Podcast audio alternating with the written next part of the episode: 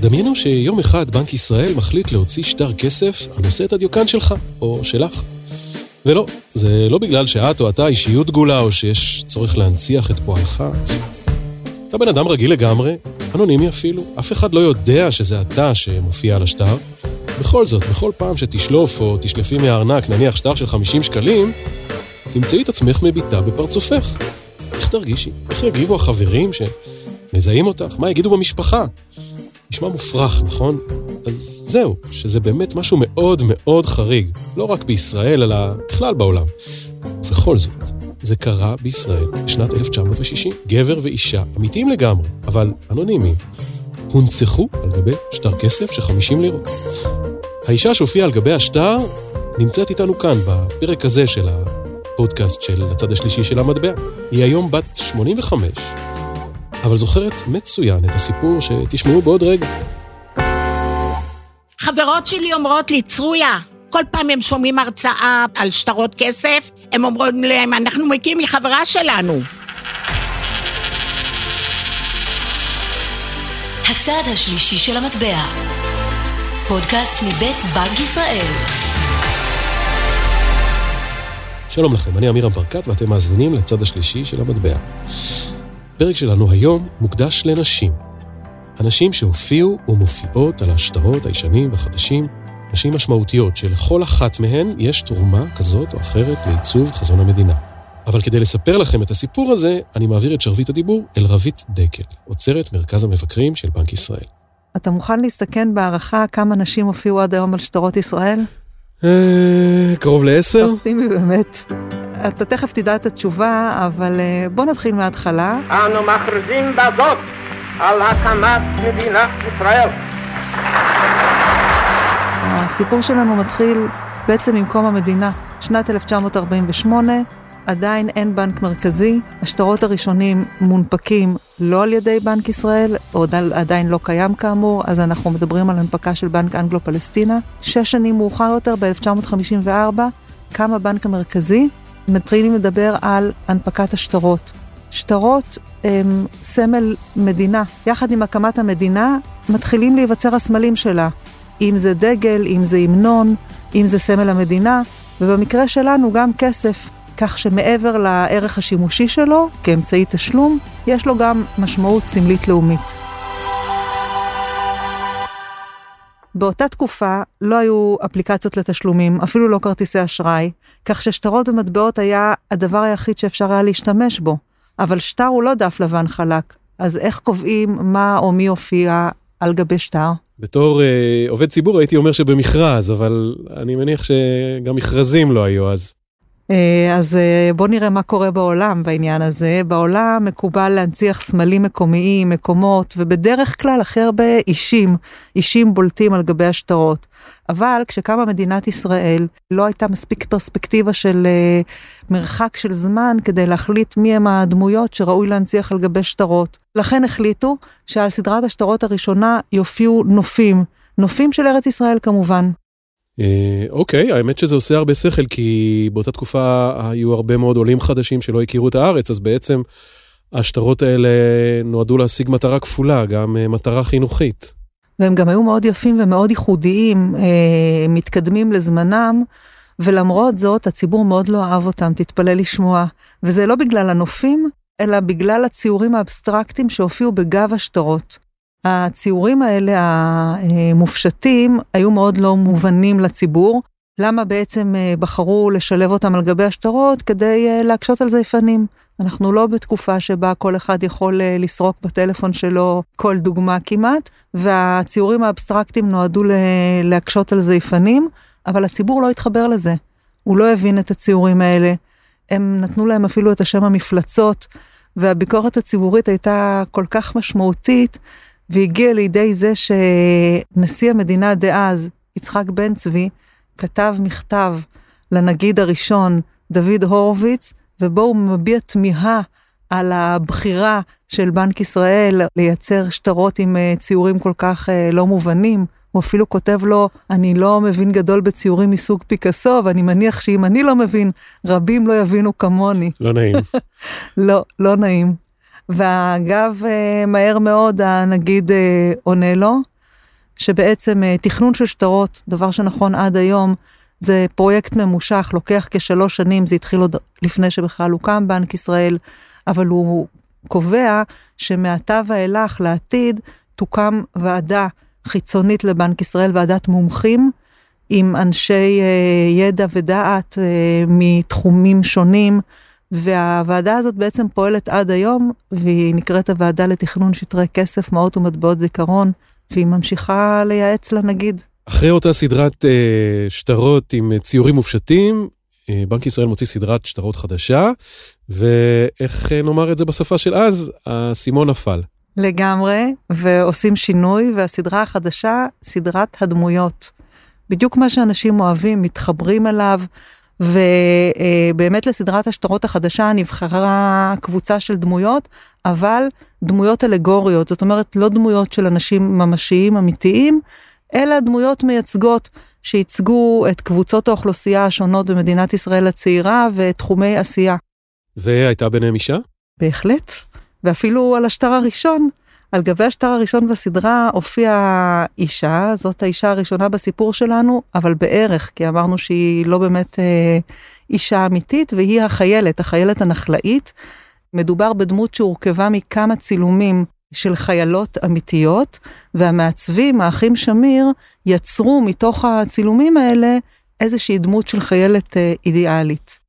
שהיא גם חיילת, אבל גם חקלאית, אני זוכר. היא החזיקה סל תפוזים, הרי הנחל הוא בעצם אה, נוער חלוצי לוחם שסימל גם את ההתיישבות, וברקע נראו שדות חקלאיים. זה היה השטר הראשון. ויש מישהי ששימשה מודל לדבר הזה? היו, אני חושבת, או ארבע או חמש נשים חיילות שצולמו. ואתה יודע, זה מצחיק, אבל לפעמים מגיעים אלינו למרכז המבקרים, אה, מגיעה אישה מבוגרת ואומרת, אני החיילת על גבי השטר. אז כמובן שאין אישה אחת כזאת שהיא החיילת, אבל יש, אה, ואכן גם נפגשנו עם אה, אחת הנשים שצולמה במסגרת עיצוב השטר הזה. איזה עוד דמויות מופיעות בסדרה הזאת? אז יש לנו את הדייג, שסימל את ההתפתחות של הדייג ואת החקלאות, יש את הדמות של הפועל או הבנאי, שסימל את הבנייה והתעשייה, והמדען שמסמל את המדע, המחקר, שאיפה להתפתחות טכנולוגית של המדינה כבר בימים הראשונים שלה. מעניין אם היו עושים סדרה כזאת היום, והיו בוחרים את המקצועות הייצוגיים, אני מניח שדייג כבר לא היה שם, מעניין מה היו שמים במקומו, אני יודע, אולי הטקיסט. נשמע יותר הגיוני. לפעמים אנחנו שואלים אה, ילדים שמגיעים לביקור במרכז המבקרים, ואף אחד לא אמר לנו דייג.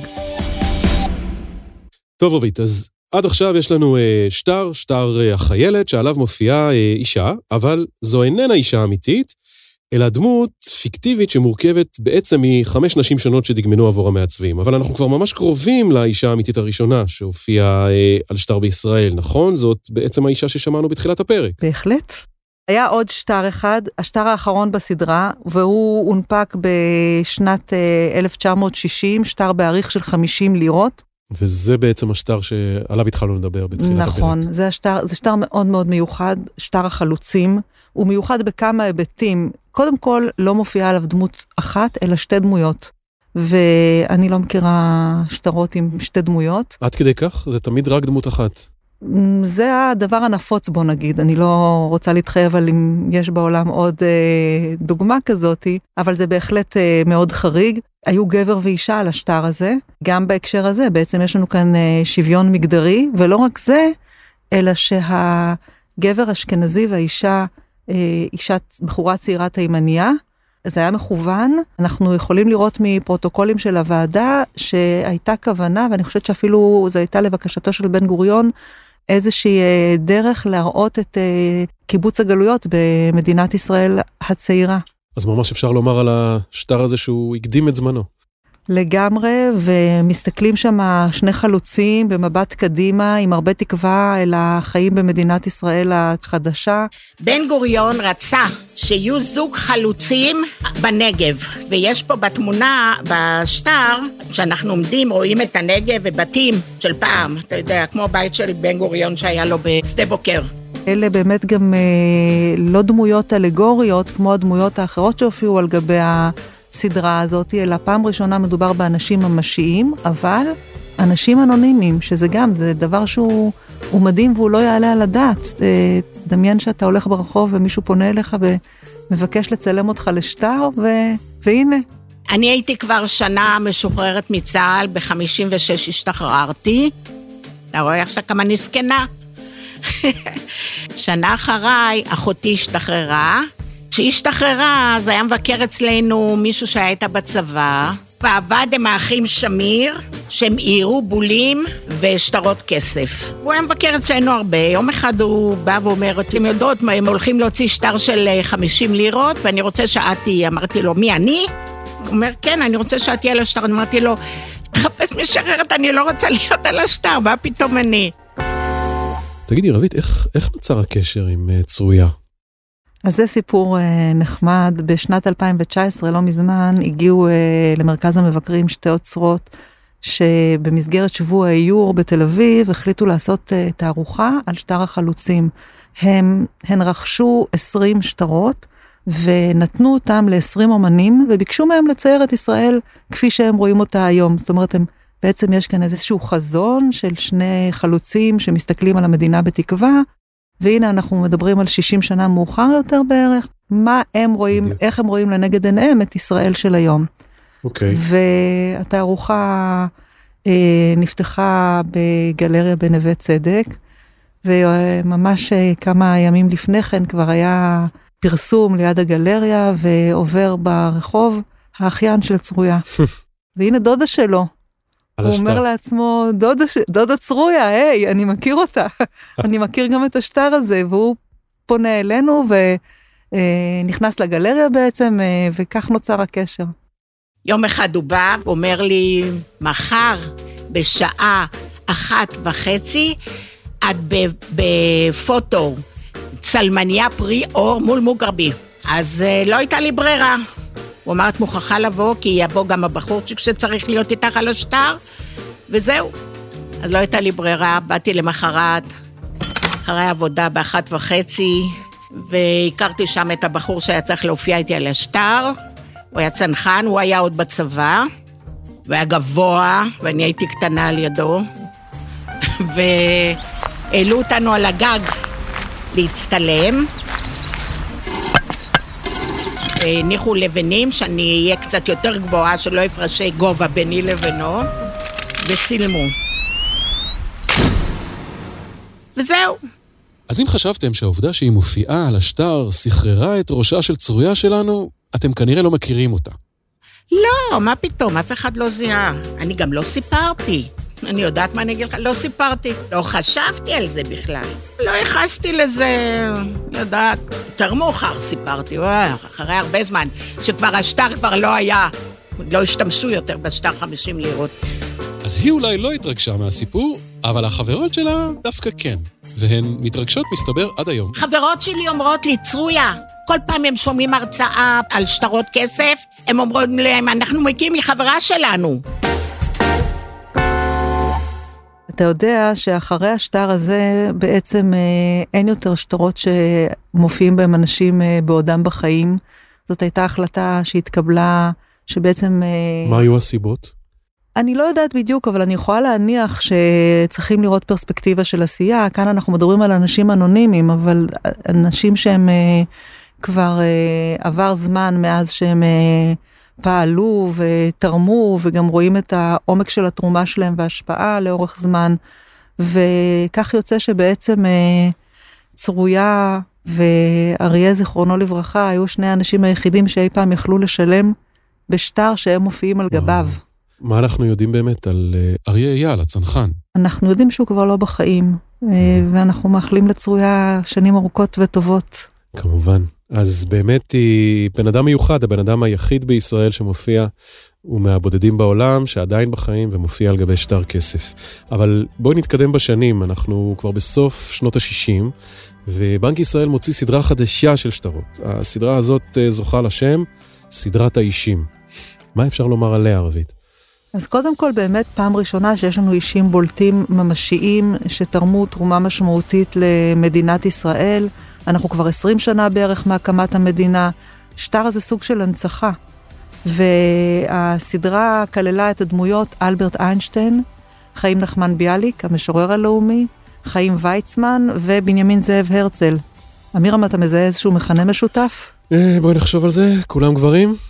כן, לא הייתה אף אישה אחת בסדרה הזאתי, רק בסדרה הבאה שהונפקה החל משנת 1975, מופיעה האישה המוכרת הראשונה בסיפור שלנו, והיא הנריאטה סולד, שהייתה פעילת ציבור, עסקה בחינוך, בספרות, ביהדות. היא הקדישה את חייה ובעצם פעלה לקידום הרעיון הציוני והעם היהודי. אישה מאוד מיוחדת, היא הייתה מיוזמי הקמתה של ההסתדרות הציונית הדסה בארצות הברית בשנת 1912 ועמדה שנים רבות בראשה.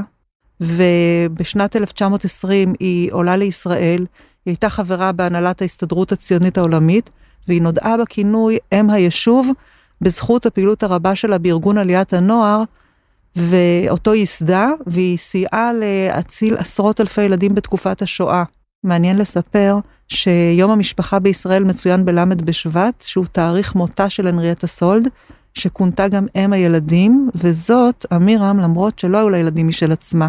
מה שמפתיע אותי זה שאם היית שואלת אותי, אני מניח שגם אם היית שואלת כל אדם ברחוב, הניחוש הראשון היה גולדה מאיר, אז מסתבר שהיא לא הראשונה. אתה מניח נכון, ואני שואלת, הרבה פעמים כשאני עושה את ההרצאה הזאת במרכז המבקרים שלנו, אני שואלת כמה נשים היו על השטרות, איזה נשים אתן זוכרות, והשם הראשון שעולה זה השם של גולדה. היא באמת אה, לא רק אה, מופיעה גולדה מאיר, מאירסון במקור, אה, על אה, שטר אחד, אלא על שניים. היא הייתה ראשת ממשלת ישראל הרביעית, האישה הראשונה והיחידה בתפקיד הזה עד היום. אנחנו מקווים שיהיו לנו עוד.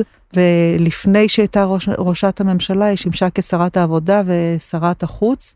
ולא סתם שהיא הופיעה על שני שטרות, אלא אחד מהם היה גם השטר בעריך הגבוה ביותר שהונפק אי פעם במדינת ישראל, עשרת אלפים שקלים. אנחנו מדברים כמובן על שטר של עשרת אלפים שקלים ישנים, שהוחלף בשנת 1985 בשטר של עשרה שקלים חדשים. נכון.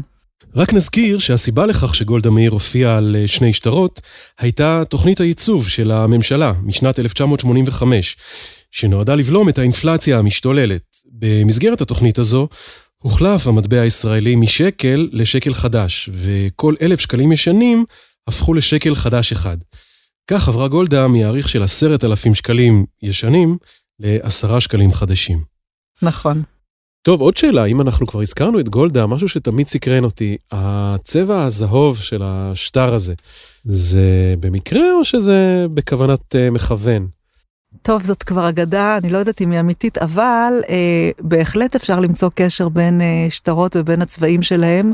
גולדה גולד, שטר היה מוזהב כתום. אגב, גם היום יש לנו את השטר של לאה גולדברג בצבע מוזהב כתום. אבל יש עוד כמה שטרות שאפשר למצוא קשר בין הצבע שלהם לבין הדמות שמופיעה עליהם. למשל, בן גוריון הופיע על שטר בצבע חום, כמו צבע המדבר, הנגב. יש לנו את השטר של הרמב"ם בצבע ירוק, שהוא צבע הרפואה וצמחי מרפא. היה לנו שטר עם רוטשילד, שעליו גם אשכול ענבים, וזה צבע של היין.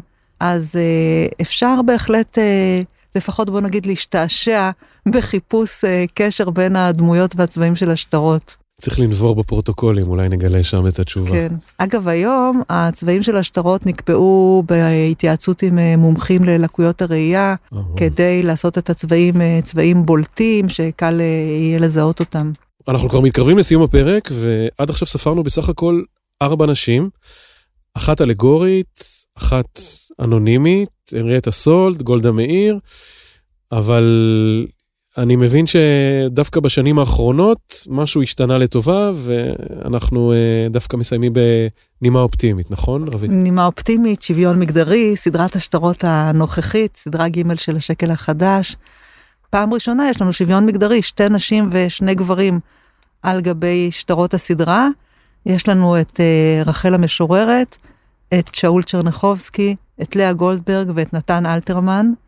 וזאת גם פעם ראשונה שיש לנו רק אנשי רוח ותרבות על השטרות, זאת גם החלטה או המלצה בעצם של הוועדה.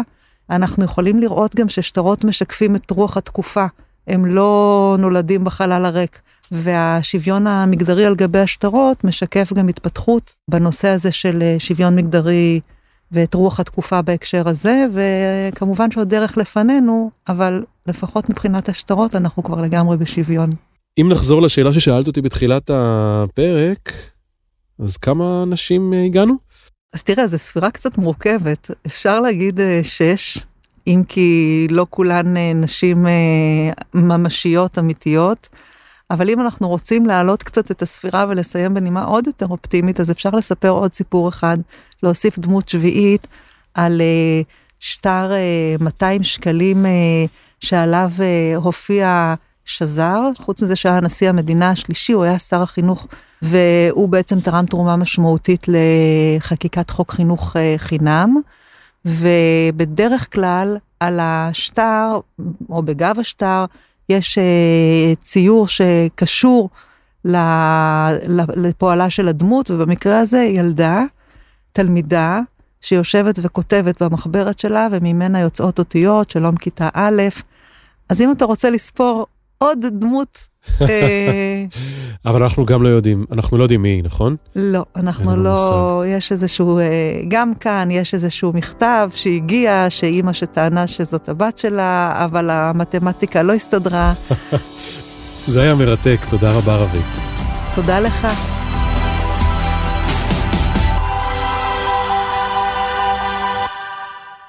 כל השטרות והמטבעות שהזכרנו בפרק הזה, ועוד רבים אחרים, והמון סיפורים על הכסף הישראלי והמטבעות הקדומים, תוכלו לראות ולשמוע במרכז המבקרים של בנק ישראל, ברחוב לילנבלום 37 בתל אביב. ניתן להירשם לביקורים והדרכות דרך אתר בנק ישראל. עד כאן עוד פרק בפודקאסט הצד השלישי של המטבע. תוכלו לשמוע אותנו ביישומון ההסכתים החביב עליכם, בספוטיפיי, אפל פודקאסט, דיזר, גוגל פודקאסט, אמזון, מומלץ להירשם כדי לקבל עדכונים על פרקים חדשים. בקרו גם באתר בנק ישראל, שם תוכלו להגיב על הפודקאסט, או להאזין ולצפות בעוד הרבה חומרים מעניינים שהפקנו עבורכם. תודה לכם על ההאזנה, אני הייתי עמירם ברקת, ואנחנו נשתמע בפרקים הבאים. הצד השלישי של המטבע, פודקאסט מבית בנק ישראל.